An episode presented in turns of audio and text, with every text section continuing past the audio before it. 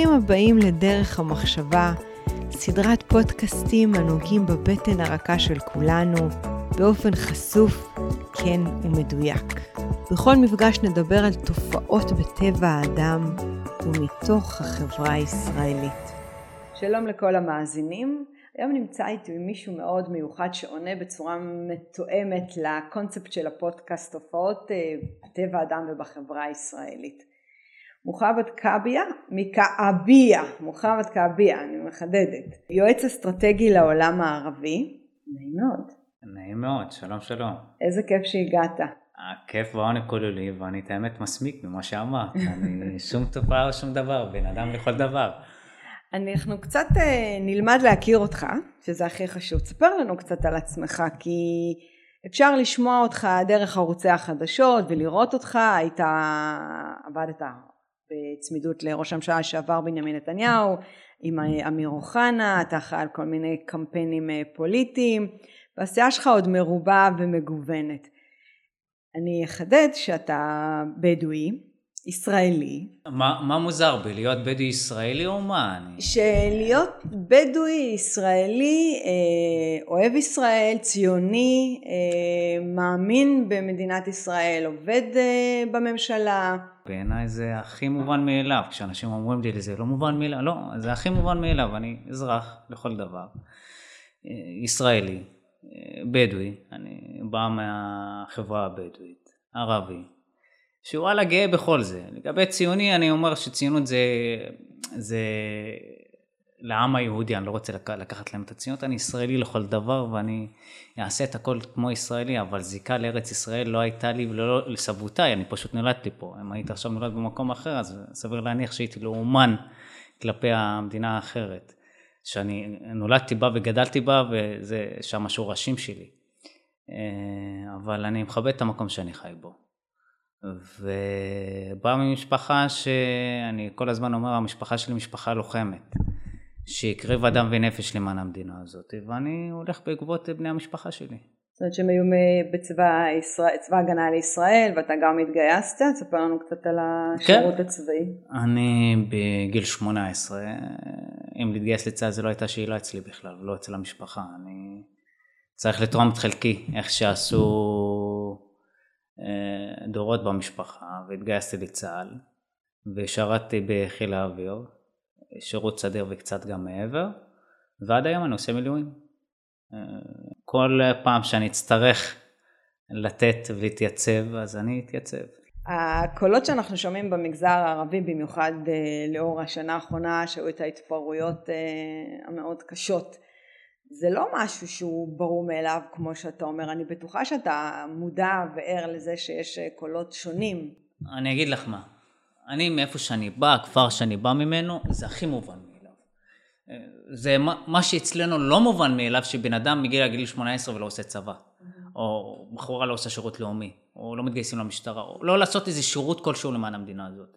זה אומר שדברים שענקת אותם בעצם מהבית. בדיוק. אז יכול להיות שקולות אחרים זה אנשים שלא גדלו על זה בבתי ספר, במשפחות. ספר לנו קצת איך אתה רואה את זה. אני אגיד לך, למה אני אגיד לך מאיפה זה כל... אני, אני, האוכלוסייה הבדואית בצפון, אין בית שפעם מי שזה קצין, קצין בדואי בכיר בצה"ל אמר לי, הבדואים בצפון, אם אנחנו נסתכל על תצ"א, נראה מעל כל בית בדואי שיש לפחות זוג מדים. כן. וזה, ככה זה הבדואים בצפון. Mm-hmm. הדרום גם היו כאלה, אבל בזמן האחרון אנחנו רואים שיש קצת בעיות בדרום, ואנחנו, אם את רוצה, ניגע בזה בהרחבה אחרי זה. אני למדתי בית ספר תיכון בנצרת. Mm-hmm. בכעביה, המקום שאני בא ממנו, לא היה בית ספר תיכון. ואז ההורים שלי אה, רצו להשקיע בנו, באמת קיבלנו חינוך טוב, ואני ממש מודה להורים שלי על זה.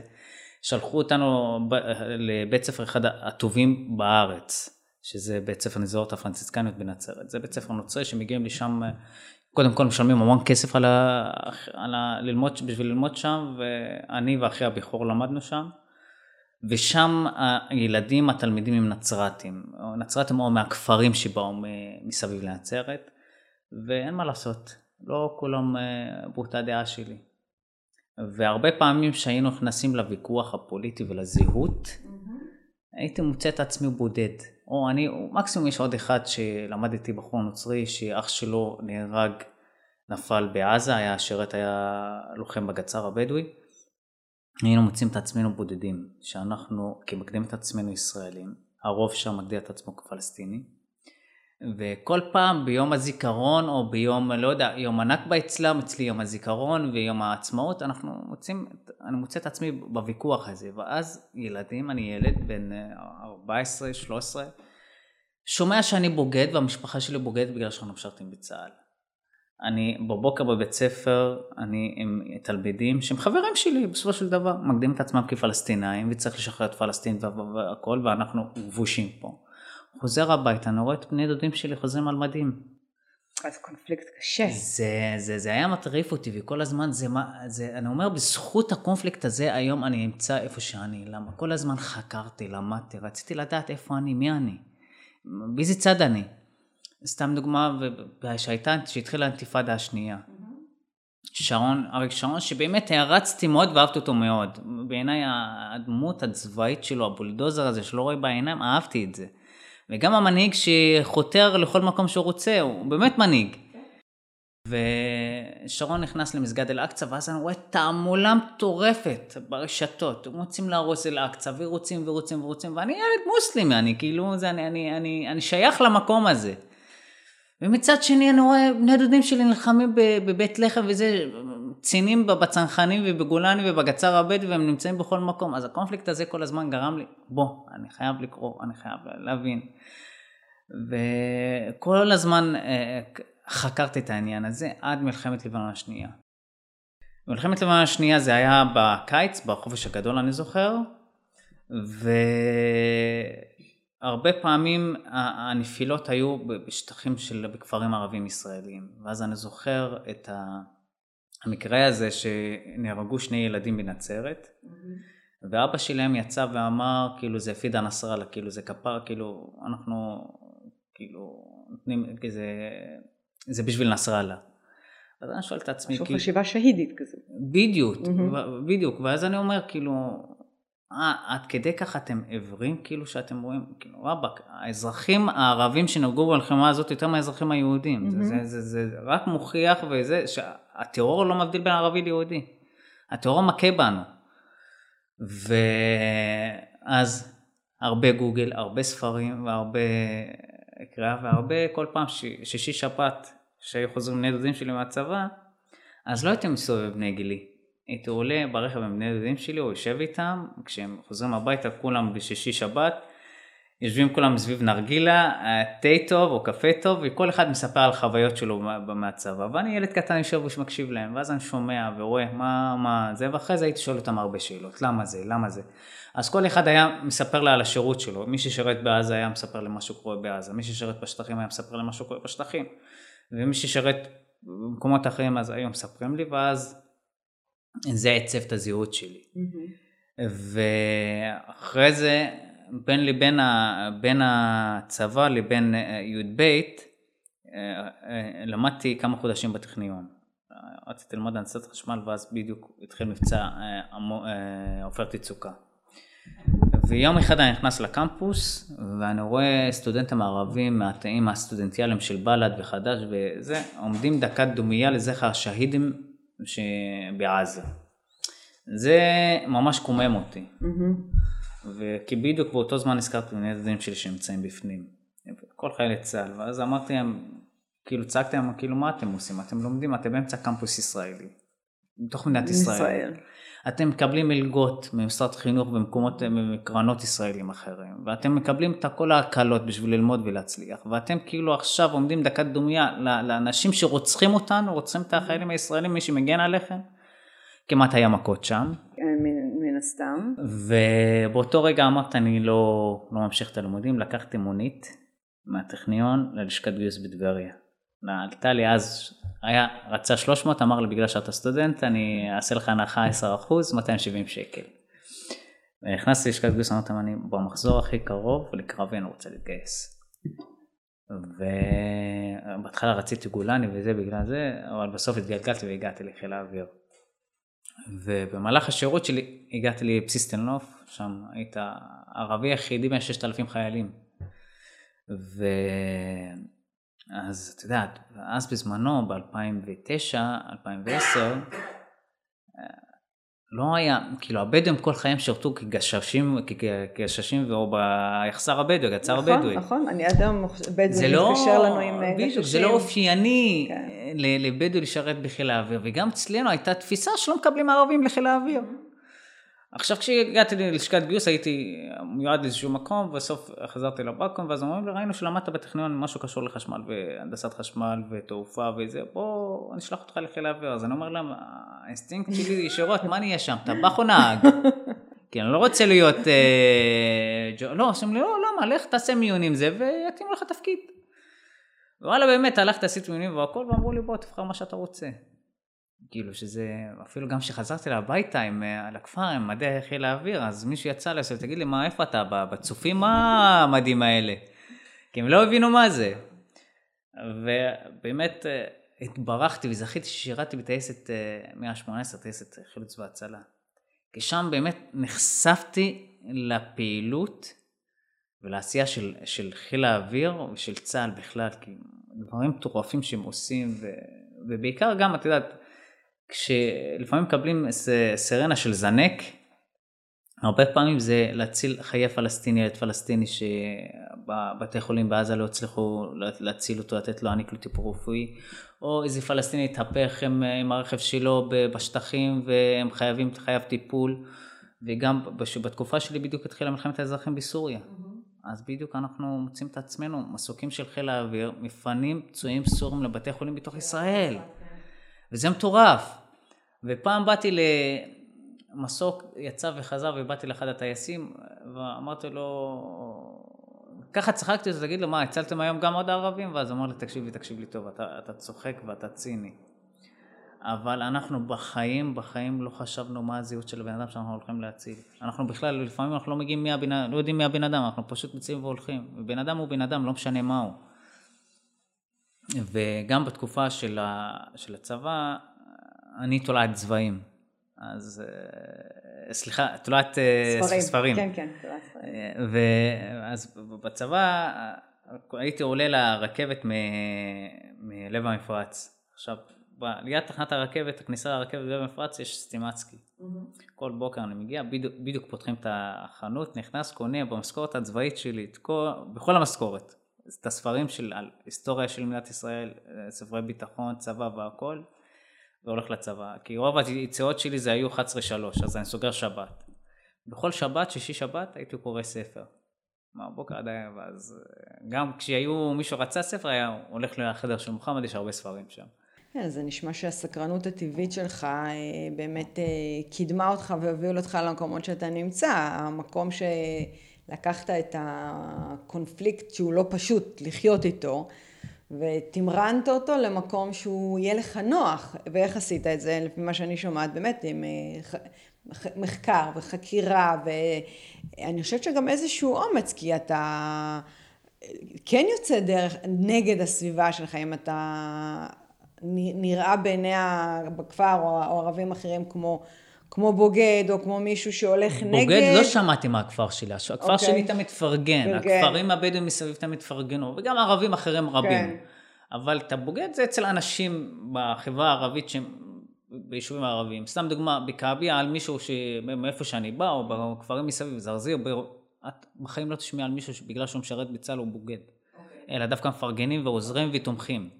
אבל ביישובים ערביים אחרים, את כן תשמעי את זה. כי מה הם מצפים? הם מצפים שאתה תתנגד, ל, אני אומר את זה בין אה, גרשיים, לכיבוש, או לא יודע מה. ואני פה בא, ו... בא בטענות להנהגה הערבית. אוקיי, זה... תספר לנו כי קצת. במשך שנים, ואני mm-hmm. למדתי את זה והרגשתי את זה, והחדירו רגשי נחיתות בדור הצעיר, והם רצו שהאנשים יחשבו שהם תחת כיבוש, ושהם סוג ב', והם, לא יודע מה, העליונות היהודית תמיד תהיה בישראל. לכן אותו, אותו בן אדם בתת מודע שלו עושה, למה אני אתאמץ? למה אני אנסה להתקבל, סתם דוגמה, לשירות המדינה והכל? אני ערבי, גם ככה לא ייתנו לי. ואז הם מלכתחילה לא מנסים. ו... ונוצרת אה, טנאה ושנאה לממסד, ואנשים בכלל לא ניסו לעשות אה, משהו בנדון. למרות שאתה רואה, ערבים בכל מקום, בבנקים, בבתי משפט, אה, אפילו זבנים, בכל מקום שאתה מרים את המבט, אתה רואה אותם. אז איפה זה מתפקשש? אה, קונפליקט לא מעובד, אה, החלטה פנימית, סיפור בתוך החברה הישראלית שחי ו... ומזין כל הזמן. אני אגיד לך מה, אני בחיים לא היה לי בעיה עם דעות ואמונות. אתה מאמין שאתה אסטרונאוט, אז אתה אסטרונאוט, בכבוד. אני מכבד את זה. אתה מאמין שאתה, לא יודע מה, לאומן פלסטיני, שאתה הולך לשחרר את פלסטין? תאמין, אבל אה, יש פה כמה דברים שאתה צריך לקחת בחשבון. אתה מאמין בעצמך, האמונה שלך שאתה פלסטיני. וזו הדעה שלך, אני מכבד אותה, אבל אל תשכח שיש כמה דברים שאסור לך לפגוע בהם. פה יש אזרחים אחרים שהם יהודים, זו המדינה שלהם ואתה חי במדינת חוק, ואל תהיה קיצוני ואל תעבור על החוק. כל השאר תעשה. ו... ו... ו... המשבר הזהות אצל חלק מערבי ישראל, זה גורם להם להתבדל. הם מבדלים את עצמם. אוקיי, אתה יודע מה? אתה, אתה פלסטיני, אין בעיה, תהיה פלסטיני, אבל קודם כל תעשה לעצמך, תצליח, תלמד, תשכיל. ואחרי זה אתה רוצה לעשות שינוי? בכבוד, תפאדל. כן. בוא, תשתלב, תתחבר והכל, ואחרי זה אם אתה מצליח לגייס את הרוב ולעשות שינוי בדרך המקובלת, תעשה, למה לא? זאת אומרת, אין בעיה שאתה חושב גם משהו מסוים, העניין הוא הדרך. בדיוק, הדרך, גם. אם אתה חושב, סתם דוגמה, פעם אמרתי את זה לחבר הכנסת מהרשימה המשותפת, הייתי איתו בריאיון, עושה לו עופר כסיף. Mm-hmm. אני, סליחה שאני נוקט בשמות, אבל פה הוא מחייב. כן, כן, כן. אה, הוא, אומר, אנחנו, כאילו, העם הפלסטיני בישראל, וזה אמרתי לו, סליחה, למה אתה, אתה תכפה עליי את הזהות שלי? למה מי אתה שתגיד לי מה הזהות שלי? אני ישראלי. כן. אתה יודע מה, גם אם נחזור היסטורית עובדתית, אני כבדואי, בחיים לא הייתי פלסטיני. נכון. אנחנו שבטים נוודים. Mm-hmm. אנחנו לא יודע מאיפה, אני, אני יודע מאיפה באתי, באתי מהשורשים של השבט שלי, זה סעודיה. מסעודיה. כן, באנו לפה לפני איזה 400-500 שנים. אבל אתה תבוא ותגיד לי מה אני, אתה יודע מה, והרבה הרבה ערבים ישראלים גם, הם לא פלסטינים. ואם נחזור עובדות, עובדות היסטוריות, מעולם לא הייתה מדינה שנקראת פלסטין פה. אז למה, ופלסטין, כל הלאומניות הפלסטינית, היסטורית, הוקמה רק אחרי שהיא קמה מדינת, אחרי שהיא קמה מדינת ישראל, ישראל כתגובה על הקמת מדינת ישראל מהעולם הערבי. ואתה יודע מה? בוא, אתה רוצה, אתה מדבר על אח שלך הערבי ואח שלך המוסלמי. סליחה, בכמה קילומטר מפה אנחנו רוצים אחד את השני. אז מה אתה רוצה? פה אני מקבל כבוד ומקבל את האזרח לכל דבר, אתה יודע מה? ואני רוצה שירחמו עליי. אני לא מבקש מאף אחד שירחם עליי. בוא, תן לי מה שמגיע לי ואני יודע, יודע לסדר טוב מאוד. וזה מה שאני אומר לערבי ישראל. בוא, אתם מקבלים, גם ככה מקבלים מה שמגיע לכם. תעשו עם זה מה שאתם רוצים. רק אל תעברו על החוק ואל תפגעו באנשים אחרים. תגיד לי, לאור ההתפרעויות האחרונות, שנראה לי הפעם האחרונה לפני ההתפרעויות האלה היה בערך ב-1930 כאלה קיצוניות. כן. מתחושה שלך, אתה שומע את הרחשים הפנימיים. אנחנו, באיזה כיוון אנחנו הולכים עם החברה הערבית? אני אגיד לך מה. מה הכיוון? מה המגמה? אני יודע שבתקשורת זה נראה ש... שעוד שנייה אנחנו מאבדים את הבית. אני אומר את זה עכשיו okay. אוקיי. בשפה יהודית. שפה יהודית, אוקיי. כן, אנחנו, אנחנו מאבדים את הבית.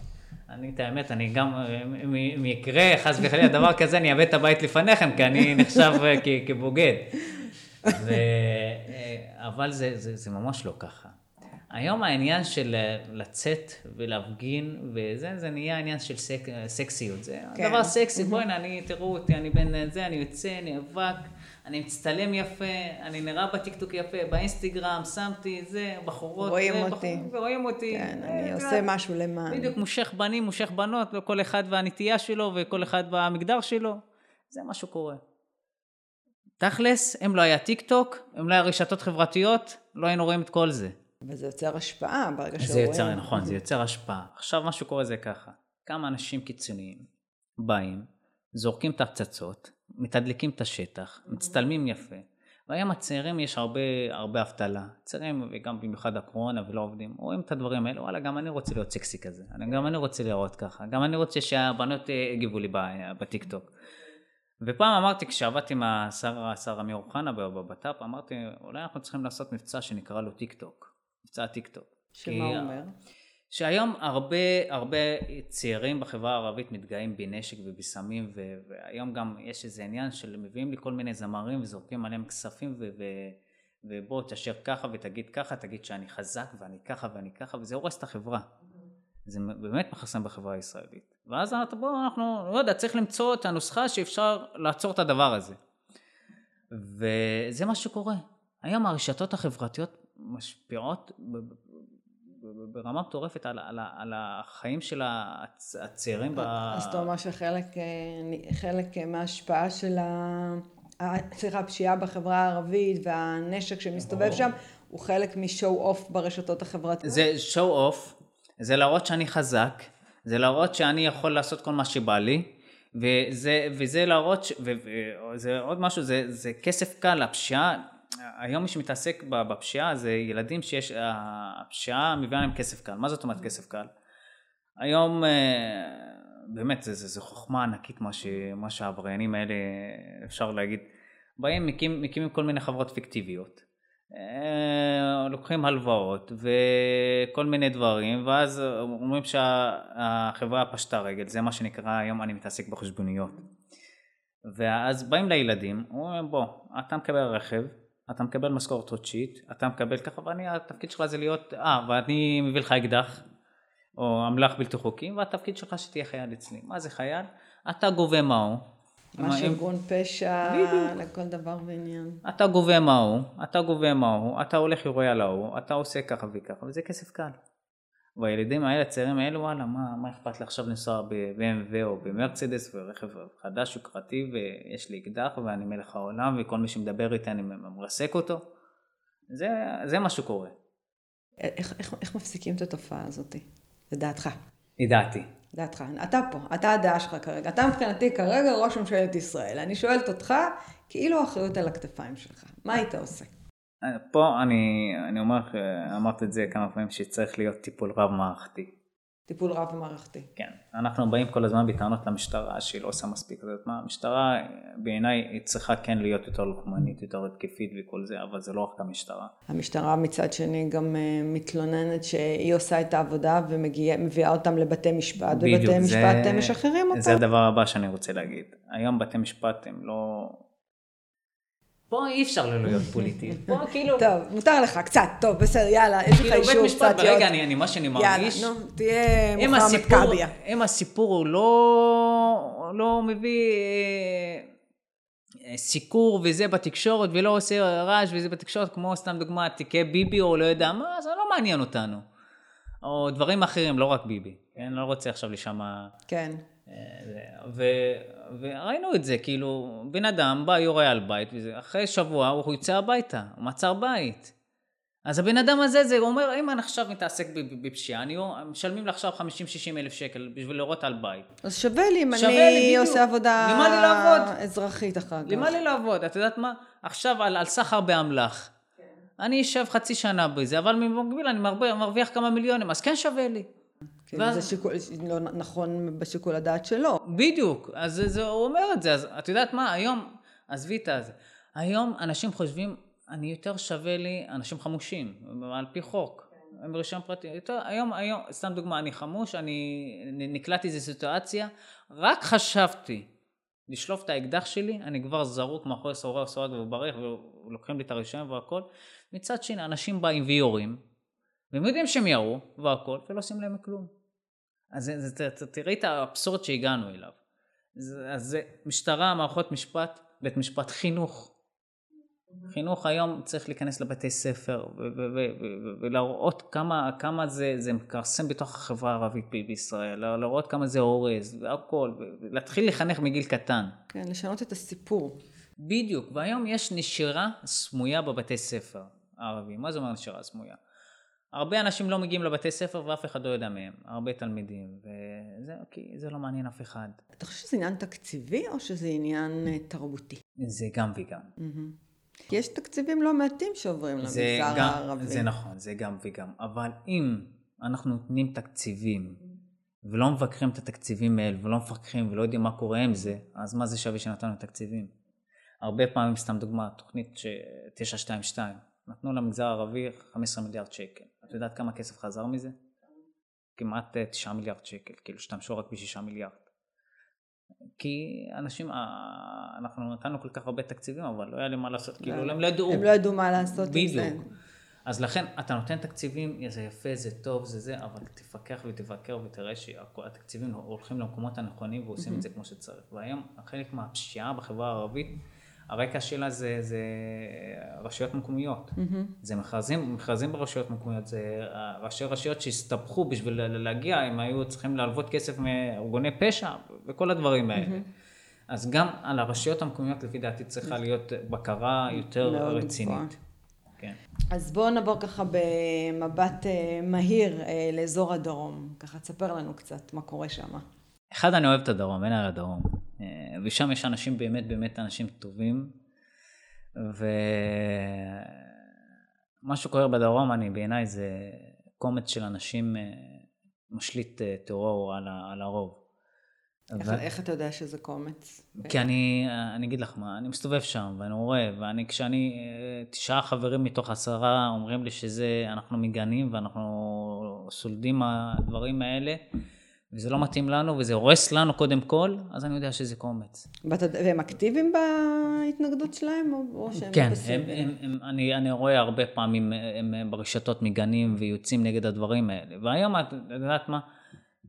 אה, היום כשבתקשורת מתלבשים על משהו, אז הם הופכים אותו לדבר הכי, כאילו הכי עכשיו זה סכנה קיומית על מדינת ישראל זה מה שקורה בדרום ועם הבדואים, והבדואים בדרום והכל, אבל הבדואים בואו בוא, בוא נחזור אחורה היסטורית, מה גרם למצב הזה? הרי עד שנות ה-80-90 הבדואים הם היו האנשים הכי, גם עד היום, כאילו, הם, הם הכי בעד המדינה ומי שצלחו עם אריק שרון, אני תמיד מספר את זה, מי שצלח עם אריק שרון את תעלת סואץ, זה היו הבדואים בדרום, שייח' עמר אבו עודה של משפחת עזזמי. ועוד הרבה שייח'ים שוואלה, תרמו דם ונפש למען המדינה הזאת, וככה זה הבדואים מטבעם. אבל מה שקרה בשנים האחרונות שהמדינה הזניחה את הבדואים בדרום, וזה הביא לכניסתם של גורמים קיצוניים, שהם וואלה עכשיו כמו תולעת. הם הורסים את הדרום ומסיתים את הבדואים בדרום נגד המדינה. מי זה הגורמים העוינים האלה? תנועה אסלאמית פלג צפוני של אה, כמאל חטיב וראאד סאלח. מפלגות, המפלגות הערביות, חד"ש ובל"ד בעיקר. הם בעצם מגיעים אה, לבדואים בדרום ועושים שם עבודה? אני אגע בזה, וארגוני שמאל קיצוני. ארגוני שמאל קיצוני. ארגוני שמאל קיצוני. איך, איך, איך, איפה אנחנו רואים את זה? ברגע שסתם דוגמה כשרצו להעביר את חוק פרוורמן. חלק מהבדואים היו מסכימים עם חוק פרוורמן, חלק, חלק לא, חלק ואומרים בואו נדון בזה. פתאום אנחנו רואים אוטובוסים של ערבים מהצפון נוסעים לדרום ומפגינים ומניפים דגלי פלסטין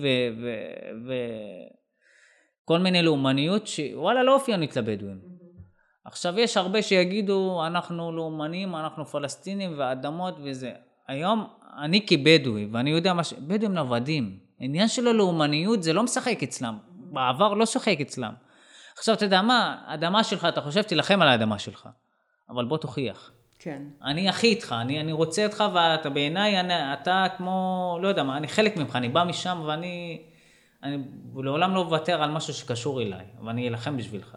אבל בוא, אל תיתן לגורמים חיצוניים שהם רוצים, המטרה שלהם לא טובתך, mm-hmm. אלא טובתם על ידי סכסוך בינך לבין המדינה שאתה חי בה. והם לא מצליחים לראות את זה. והם, חלקם, מובנים, חלק, כן. חלק מבין וחלקם mm-hmm. לא. עכשיו, היום בזמן האחרון, בשנה האחרונה, הם רואים את זה, למה? כי בסופו של דבר, אותו בן אדם, אותו פוליטיקאי שבא רוכב על, על הכאב שלהם, אני אומר כאב כי באמת יש אנשים שכואב להם. בא משתמש בהם ואחרי זה מקבל מה שהוא רוצה, את הקולות שלהם ואת התמיכה שלהם ובסוף הולך הביתה.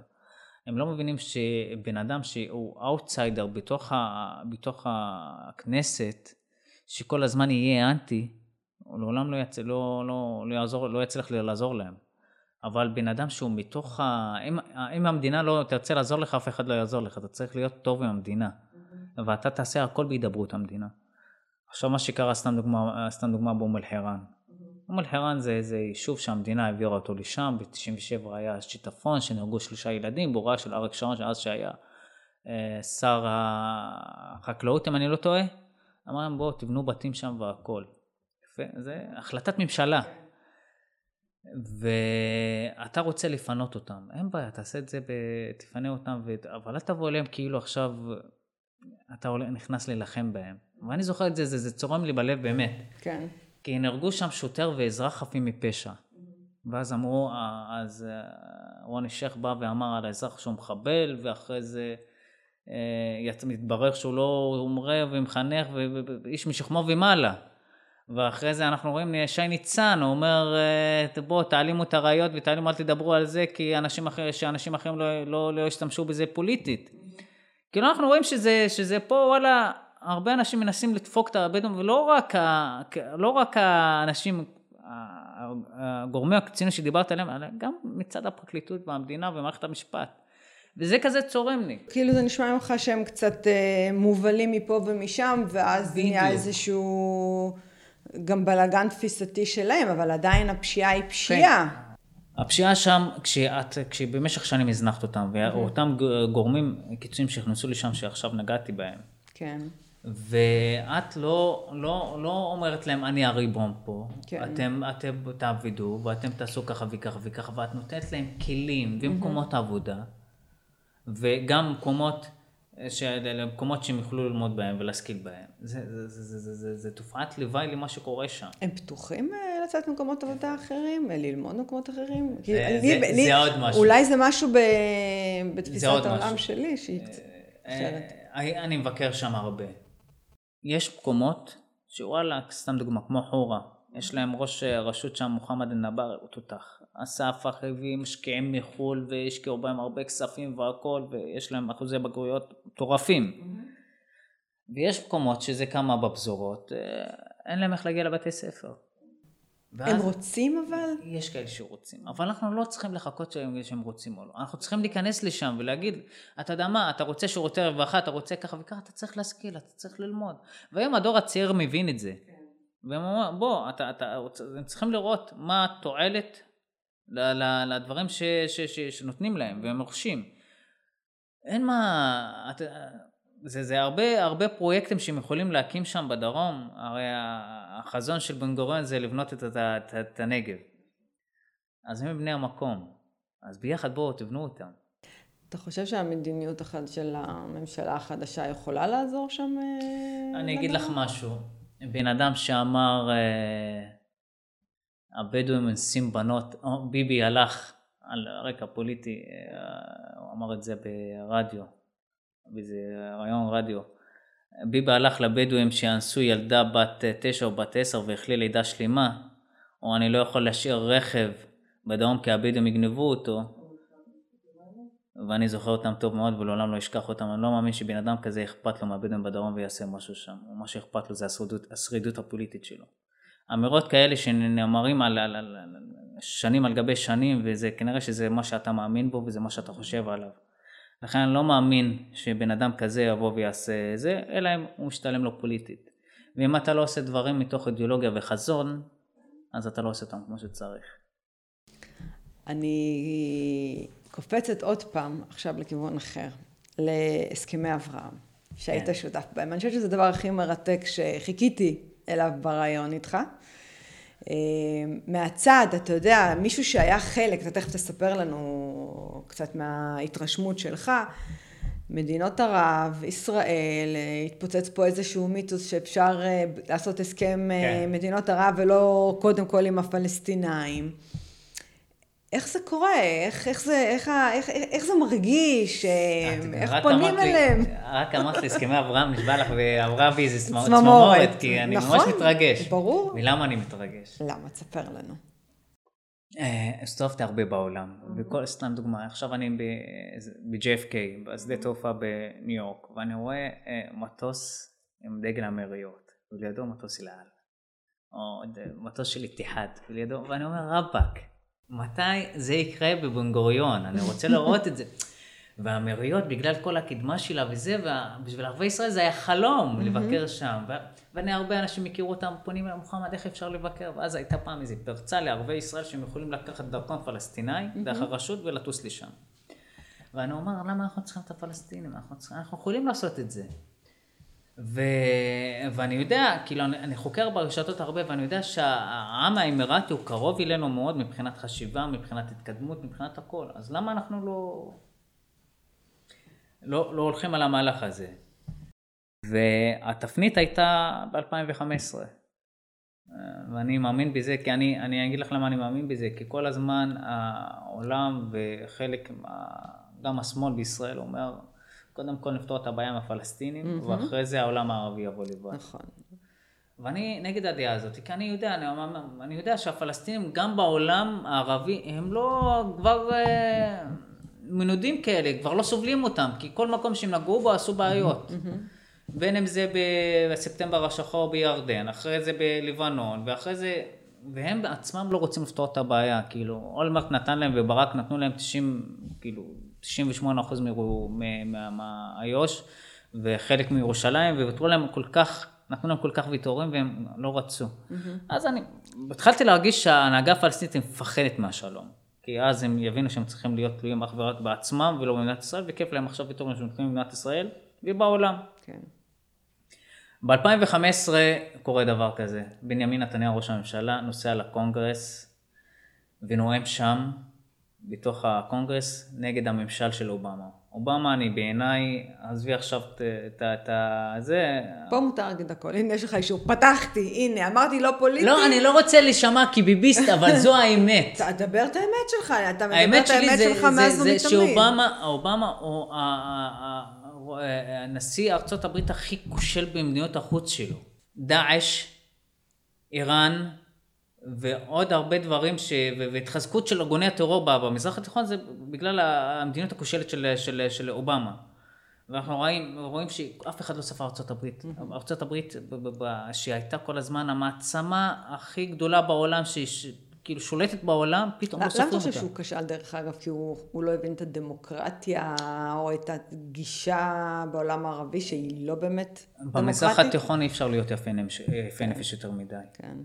אתה צריך לשחק לפי הכללים של המזרח התיכון. Mm-hmm. במזרח התיכון לפעמים אם אתה לא תהיה, יש uh, פתגם בערבית שאומר אם לא היית זאב אכלו אותך זאבים. Mm-hmm. ככה צריך להיות בעולם הערבי. אז בנימין נתניהו טס לקונגרס, נואם נגד המדיניות של אובמה ונגד העסקת, אה, נו? איראן? Nuclear Weapon אה, Agreement שמתגבש. בדיוק. ואז העולם הערבי, שאיראן מהווה איום גם עליו, מבין שוואלה פה יש לנו עם מי לרקום בריתות. כי מדינת ישראל היא איתנו. כן. והציר השיעי הוא מאיים על מדינות ערב יותר מאשר על מדינת ישראל. ואז זה, זה, זה לפי מה שמפורסם, שהרבה פונים לבנימין נתניהו, ואומרים אנחנו בואו אנחנו צריכים ל, ל, לשתף פעולה. Mm-hmm. והיו שיתופי פעולה. ואחרי זה הם, הם מבינים שהקשר הזה, הקשר הסודי, זה כמו שני מאהבים. את יודעת מה כמו ערבים ויהודים? זה זוג ערבי ויהודייה, שיוצאים אה, ביחד, ובסוף אין להם אומץ, בסוף יאללה בואו נפוצץ את זה. וזה, זה, זה, בסוף הבינו שאין מה להסתיר יותר. הרי האינטרסים המשותפים, ולא רק הביטחוניים, אלא גם הכלכליים והטכנולוגיים, ואפשר לעשות דברים מטורפים ביחד. אז מה, אנחנו נחכה לפלסטינים, שבעיניי לא מאמין שאי פעם יגיעו לשלום ולשולחן אה, משא ומתן במדינת ישראל? נורמליזציה אמיתית. בדיוק, כן. בואו אנחנו, בוא אנחנו נעשה את השלום, ואם הם ירצו לבוא, שיבואו, לא ירצו לבוא, לא, שלא יבואו. אבל למה, למה אנחנו ש... ש נפסיד כל כך הרבה בגלל, ש... בגלל הפלסטינים. בא, בא בנימין נתניהו ו-MBZ ושל בחריין, המלך של בחריין, ועושים שלום, עושים אה, הסכם נורמליזציה. עכשיו יש את האומרים כן. שזה לא הסכם שלום, למה אף פעם לא הייתה מלחמה. כן. אבל חבר'ה... מה, מה אתה אומר על הטענה הזאת? זה יותר מהסכם שלום, ואני אגיד לך למה. כי המיליארדים והכסף ש, ש, ש, של האמירויות ושל המפרציות שנתנו לחמאס ולפתח ולרשות הפלסטינית, זה חימש אותם כל כך הרבה זמן שתדלק את המלחמה בינינו לביניהם. אני אזכיר לך, כל פעם אחרי מבצע צבאי בעזה, הם מקבלים כסף מהמפרציות ובונים להם את עזה חזרה. Mm-hmm. עכשיו, אני, אני מאמין ובטוח שהכוונות טובות של האמירויות לתת להם כסף שיבנו את ה... יבנו את ה... להשתמש לצרכים האישיים שלהם, ובסוף זה הופך לטרור. וזה הופך לטרור. כן. אז כסף שמתדלק את האויבים שלי, אם אני עכשיו בא ומפסיק את זה ועושה שלום ונורמליזציה, זה לא שלום? זה מאמא של השלום. סודאן, על פי מקורות זרים, אדמת סודאן שימשה כמעבר יבשתי לאמל"ח שעובר לחמאס דרך סודאן, למצרים, לסיני, ובמנהרות נכנס לעזה. ועל פי מקורות זרים, הרבה תקפות ישראליות היו שם. עכשיו אנחנו באים ועוצרים את זה, וממשלת סודאן מכריזה על חשבונות ועל אנשים של חמאס כי הם אה, טרוריסטים ומעיפים אותם מהארץ שלהם. זה לא שלום מדינה כזאת, שבעבר סייעה להם? זה האם עם אמא של השלום. לגמרי, וגם זה ההבדל בין, אני חושבת, ההסכמים איתם, להסכמים שיש לנו עם מצרים וירדן, שפה זה רק אה, לשמור על איזשהו גבול שקט. שאין פה איזה שהם אה, יחסים מעודדים ותורמים יותר מדי, ופה אנחנו איזשהו בנפיט מאוד גבוה. ועכשיו היום נבוא, ועכשיו נבוא למנהיגות הערבית. במשך הרבה כל כך שנים, הם אמרו, ב, לא, לא, לא המפרציות, אלא ב, ב, ב, ב, במדינות של, של סוריה, לבנון, וכל ה... איפה שיש שלטון דיקטטורי שם, לא, לא מלכותי. ואנחנו רואים שם שכל הזמן אמרו לעם שלהם, יש לנו אויב אחד, זה האויב הציוני, היהודי, הם הורסים את העולם, הם הסיבה לכל הבלגן שקורה אצלנו. אנחנו המגינים שלכם ואתם תשנאו אותם ותתמקדו בהם ואת כל אנחנו ננהל את המדינה. וזה מה שהיה הדלק של ה... זה מה שהיה הסיבה לשרידות השלטונית שלהם, שנאת ישראל. אבל העולם מתפתח, האזרחים מתחילים לראות שמדינת ישראל זה לא מה שהם חושבים ולא מה שבמשך שנים ציירו להם. ואז הם אומרים וואלה מגלים עניין מתחילים לשאול אז למה רגע אני כל הזמן כל הזמן הבנתי שאני המצב העגום שלי והמצב הרע שלי זה בגלל ישראל אבל הש, השלטון אצלי בני השלטון אצלי חיים חיים מפוארים ובישראל הערבים ויהודים חיים ביחד ויש להם אחלה חיים ואנחנו רואים שהם מצליחים והכל אז מתחילים להבין זה בעיקר כן. בעידן של הרשתות החברתיות כן. שהכל פתוח והקוראים ואז מתחיל האביב הערבי ובאביב הערבי גם אנשים אומרים שוואלה אני רוצה דמוקרטיה, אני רוצה, רוצה, רוצה לחיות בכבוד ואז כל העניין של להכניס, להשלות ולהכניס את העם בתוך בועה זה כבר לא מסתדר עליהם כי אנשים מבינים ואז המנהיגים בעולם הערבי מתחילים להבין שאין כבר זה הם יודעים שישראל זה לא האויב בזמן שאיראן משתלטת על המזרח התיכון והורסת את המזרח התיכון, השתלטה על לבנון, השתלטה על סוריה, על עיראק ועל אה, תימן, והורסת אותה. מצד שני המדינות האחרות משגשגות. לכן גם... אבל יש כל כך הרבה שקרים בחוץ שקשה, זה הדעה שלך, אבל בחוץ, בעולם הערבי, אה, המוסלמים, חושבים שאנחנו אחראים כמעט על כל חורבן. אני זוכרת שזו טוקבקיסטית אה, הגיבה לי על איזשהו דיון, דיון, לא יודעת אם קוראים לזה דיון, כן, אבל איזה שהם אה, חילופי דברים. כן. אה, שהציונים הרסו את לבנון, כאילו זה לא רק הפלסטינאים, אנחנו חושבים שאנחנו הורסים כל דבר, גם אה, מה שאנחנו אנחנו אחראים על סוריה, אנחנו אחראים על לבנון. יפה, אבל כשהם באים היום, באים ורואים שמדינת ישראל לא נמצאת בלבנון. לפעמים מי שנמצא שם זה חיזבאללה. כן.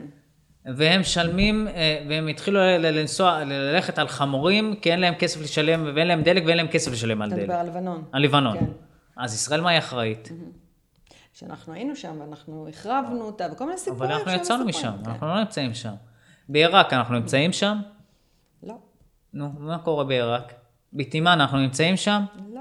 התימנים הגיעו כבר לארץ. יפה. הבאנו אותם. יפה, אבל מי נמצא שם? איראן וזרועותיה. אז איפה שאיראן נמצאת וזרועותיה, זה, זה מה שקורה. בעולם הערבי הבינו שמדינת, שמדינת ישראל היא הפתרון. אמרו, בסדר, הפלסטינים שיחכו יסבלו, אני לא רוצה לחכות, אני בא עם נרמל. איך היה היחס אבל האישי שלך עם האנשי קשר באמירויות? יחס אה, מאוד חם ומאוד כן, טוב. כן, חם, אוהב, אוהד. כן, וכי... הם לא היו חשדנים במערכת יחסים איתכם? אני אגיד לך מה, אני את המערכת היחסים נרקמה ביני לבינם אה, כשהקמו הסכמי אברהם אה, קיבלתי את הזכות מהשר אמיר אוחנה, אמר למוחמד אתה תהיה אמון על הקשרים בין הלשכה שלי לבין הלשכות של המקבילים שלי במפרציות, במדינות שכלולות בהסכמי אברהם. ופתאום, את יודעת, זה, זה, בהתחלה זה, זה היה הקשר בין פקידים, בין שני המשרדים, על שיתופי פעולה, ופתאום אמרתי, אני, זה לא מספיק. אנחנו צריכים לקחת את זה הרבה יותר. ו, ויצרתי קשר עם הלשכות של השייחים, ו... והתחלנו לדבר על שיתופי פעולה והכל, ואז פתאום מגלים איזה בחור ערבי, נמצא בשקעת שר, יועץ שר. תופעה, כמו שאמרתי בהתחלה. ומדבר בשפה שלהם. Mm-hmm. הרי השפה הבדואית של הלהג הבדואי של, של ערבי ישראל בצפון, הוא מאוד דומה לשלהם. אז הם לא ידעו איך, לה, איך לאכול אותי. ואז, ואז אומרים, כאילו, אני אומר להם, מתייעץ איתם, ואני מבין את המנטליות שלהם, הם מבינים את המנטליות שלי, ואני הולך לפי מה שהם רוצים. ואני מדבר איתם בשפה שלהם, וזה ממש קנה אותם ושבר אותם, עד שהגענו למצב שהשרים, השר אמיר אוחנה והשר, והשר אה, השייח' סף בן זייד אל נהיין, שהוא אח של מבי זד וסגן ראש הממשלה שם, הגיעו לקשר מאוד מאוד מאוד אה, חם ואוהב, וחברים שעד רמה של שיחות וואטסאפ ביניהם. הופה. בדיוק, וימי הולד ששולחים ברכות אחד לשני בחגים והכל. והשר אמיר אוחנה שולח לו בערבית והוא שולח לו בעברית. איזה יופי. ושם באמת אנחנו לא רוצה להיכנס יותר מדי למה מה, מה שיש בתוך הקשר הזה וההסכמים, אבל נעשית עבודה מטורפת. והשיתוף פעולה הוא אדיר, שבסופו של דבר יביא טוב לשתי המדינות. אז בוא ככה, רגע אחד... וזה לא רק האמירויות, זה גם בחריין. בסודאן ומרוקו. כן. ו... אה, אני לא יכולה לא לשאול את השאלה הזאת, הרי היא מתבקשת. איך זה לעבוד עם בנימין נתניהו? עבדתם בצמידות. ספר לנו אה. ככה, מה הרושם שלך? שוב פעם, אני רגע מנקה פה רעשי רקע ואת התקשורת. אני אגיד לך מה. אני אגיד לך למה, למה, את יודעת מה? למה התחלתי להצביע על בנימין נתניהו? אני בהתחלה, את יודעת, אני, השיח הימין ושמאל בחיים לא עניין אותי. כי אני ערבי. הבעיות של הימין ושמאל זה בעיות של יהודים. אני, אני יש לי צרכים כערבי במדינת ישראל. ונדמה לי ב... ובתחילת ה... בתחילת כל, ה... כל ה... הפחישה נגדו התחילה ב-2015-2016. ואז אני רואה את התקשורת, התנפלות של התקשורת עליו. ואז הכניסה לח... לחייו האישיים, ואשתו עשתה ככה, הבנים שלו עשו ככה. ואת האמת, בחיים זה לא עניין אותי, ואז פתאום אני רואה שאני מתחיל לחשוב, אם זה היה קורה לי. אתה כבר עבדת איתו? לא, לא, לא, אני מדבר עכשיו על השנים 2015-2016. סליחה, אני פספסתי את הקטע הזה. כן, אני מדבר על 15, 2015, רק כשהכל התחיל לצוף. של חקירות נגד ביבי, ביבי ככה, ביבי ככה, ואני רואה כל הזמן ביבי, ביבי, ביבי, ומציגים אותו באור שלילי בתקשורת, למרות שאני רואה אותו שהוא כל כך מצליח בעולם. ואז התחלתי לחקור מה הם רוצים מהחיים שלו, ואז התחלתי לשאול, אם הם עכשיו עושים לעני כמוחמד, מה שעושים למשפחת נתניהו. הייתי משתגע. חד משמעית. באמת הייתי משתגע. ווואלה, אמרתי, אתה יודע מה, אני מתחיל, מתחיל להריץ את הבן אדם. עדיין לא הצבעתי עבורו. מתחיל להריץ את הבן אדם, ואחרי זה מתחיל לקרוא ורואה מי זה בנימין נתניהו. ושומע אותו, אני מתרשם מהאישיות. ואחרי זה אני מסתכל על, על, על, על ההישגים שלו הבינלאומיים. אומר, זה מנהיג, אני לא... זה... ויום אחד אני הייתי באוניברסיטת קולומביה, היה לי עימות מאוד חריף שם, שעימות שכמעט הגיע למכות, שאני יוצא על, על סטודנטים, אחד מצרי, אחד פלסטינית, שבאו, רבתי איתם, היה ויכוח הזה. אחרי שחזרתי לארץ, פתאום אני מקבל אה, הודעה בוואט, בפייסבוק, שלום, אני, אני הייתי בוויכוח שלך באוניברסיטת קולומביה ואני רוצה, שלך, רוצה לשלוח לך סרטון מהמייל שלך, אני נותן לו, מוסר את המייל ואז אני מקבל את הוויכוח מצולם. מסתבר שהיה מישהו שם ישראלי שצילם ולא אמר, ולא אמר לי. באתי, חזר, באתי, אה, הוספתי subtitles והעליתי את זה לפייסבוק. אז הסרטון נהיה מאוד ויראלי, מתקשרים אליי מהתקשורת, מראיינים אותי, ערוץ 20, אה, אברי גלעד בערוץ 13, מראיין אותי והכל. אני חוזר הביתה, ובערב כזה אני פתאום רואה notification מפייסבוק, בנג'מין נתניהו you in a post. אוקיי. ואז אני יושב במשפחה ואני צועק, ביבי תייג אותי, ביבי תייג. שמה אתה מבלבל במוח, כאילו, אז אני נכנס, ואני רואה שביבי כתב ככה, מוחמד כעביה, כל הכבוד לך על עמידתך האיתנה בעד מדינת ישראל, משהו כזה, ואחרי זה גם הגיב גאה בך, ואחרי זה הייתה שיחה. ואז אני מגלה שראש ממשלה מתייחס לפועלו של אדם, mm-hmm. של אזרח, ובאמת מעודד אותו, מפרגן לו. זה ההוא או מישהו מטעמו? לא, ביבי כל דבר שהוא עולה לזה, הוא מאשר אותו. הבנתי, אוקיי. ואחרי זה הבנתי שזה אוקיי. הוא, ומסר את ה... אחרי זה שבועיים שלושה, או אפילו חודש, יש חתונה במשפחה. משפחה של מי? משפחה שלי, משפחה מורחבת. כשאני אומר משפחה, זה משפחה כן, מורחבת. כן, כן, כן, אתם בשבט. בדיוק, בשבט. ו... והמשפחה שלי, השבט, בדרך כלל היו עם העבודה. ויש להם, את יודעת, יש את ה... כאילו, יש להם הרבה חברים כפי שם. ו... ומגיע אז אבי גבאי, יושב ראש מפלגת העבודה, והם כמה חבר'ה מהעבודה. ואז בן דוד שלי, אח של החתן עושה לי בוא אני רוצה להכיר לך את אבי גבאי, אני לא מכיר אותו, בוא, עושה לי בוא תגיד לי שאני לא מכיר, אל תביא, אני לא רוצה, לא מעוניין. בסוף אה, לקח אותי, גרר אותי לשם. Mm-hmm. אז בא, מציג, מציג אותי לאבי גבאי, זה בן דוד שלי מוחמד, הוא מסתובב בעולם, נלחם ב-BDS והכל, ואז אבי גבאי גיחך, הוא והחבר'ה שלו, כולנו נלחמים ב-BDS, אבל בעיה עם BDS, מה הדברים האלה. אז אני אמרתי לו, אהלן וסהלן אבי גבאי, נעים מאוד, לקחתי את עצמי והלכתי וממש התעצבנתי. ואחרי זה אני בא לחשוב, כאילו, ראש ממשלה מתייחס אליי, נותן לי את הכבוד שלי, מפרגן לי, אבי גבאי שהוא אז לא היה, אז... Mm-hmm. ואז, ואז אני מתחיל לקשר את זה. כן. לדברים שקרו בחיים שלי. ואת השפיטה של השמאל אליי כערבי, שבעד המדינה, לבין הימין. ואז אני רואה שהשמאל מתנשא עליי במשך שנים. בגלל שאני מצביע לימין, או בגלל שאני ערבי. לא, אתה, אני אכפה, אני אגיד לך איך תחשוב, אני אגיד לך מה תעשה, ואתה צריך להיות ככה וככה. אבל סליחה, במשך שנים מי קיפח אותי? מי נכנס בי עם אמא שלי? מי נכנס בי סבא שלי? מי, מי, מי נתן ל, ל, לסבא שלי לחיות תחת שלטון צבאי? את הטבח בכפר קאסם מי עשה? מאורעות אוקטובר מי עשה? את ה... את ה אתם מדברים, את ההתנחלויות מי בנה? זה אני? זה, סליחה, זה הימין? אני אומר שאני כן, אני כבר חלק מהימין. זה הימין? לא, זה לא הימין, זה אתם. ועכשיו כשאני הולך עם הימין, בגין, הדמוקרט הכי זה שהתנגד ואמר, אין מצב, אני מתנגד לשלטון הצבאי. וזה ששחרר אותנו מהשלטון הצבאי. הוא לא טוב ואתם טובים? וזה מה שמעצבן אותי גם בחדש באיימן עודה. שהוא רודף אחרי השמאל, והשמאל האלה הוא זה שקיפח את הערבים. בוא, אתה יודע מה, בימין יש אנשים שאומרים לך, אני לא סובל אותך את הערבי ככה וככה, אבל הוא אמיתי לפחות איתי. ובמשך שנים, עובדתית, היסטורית, מי שנתן הכי הרבה לערבים, זה היה הימין. מי שהכי דמוקרט זה הימין. ובגין, הבן אדם הכי, שאני באמת מעריץ אותו, ומעריץ גם את השיטת דיבור שלו ואת כן. הנאום שלו, הבן אדם הכי דמוקרט, בזכותו אין שלטון צבאי היום. ואני זוכר גם את, את, את, את היום תבואי לזקנים בחברה הערבית, אה, אומרים לי, כן, זה ש"ב, מה זה ש"ב? השב"כ, פעם היה שירות ביטחון, אז קראו לו ש"ב. אז uh, בגלל ה... ואז היום כל דבר, תבוא לחברה הערבית, כל דבר שהם צריכים לא קשור, לא קשור לביטחון. אה, דבר, אה, ענייני רווחה, בריאות, לא משנה מה, תפנה למשרד הביטחון. למה תפנה למשרד הביטחון? כי הזקנים האלה, mm-hmm. הסבים האלה, הם רגילים למושל הצבאי, שכל דבר הם צריכים היו פונים למושל הצבאי. כן.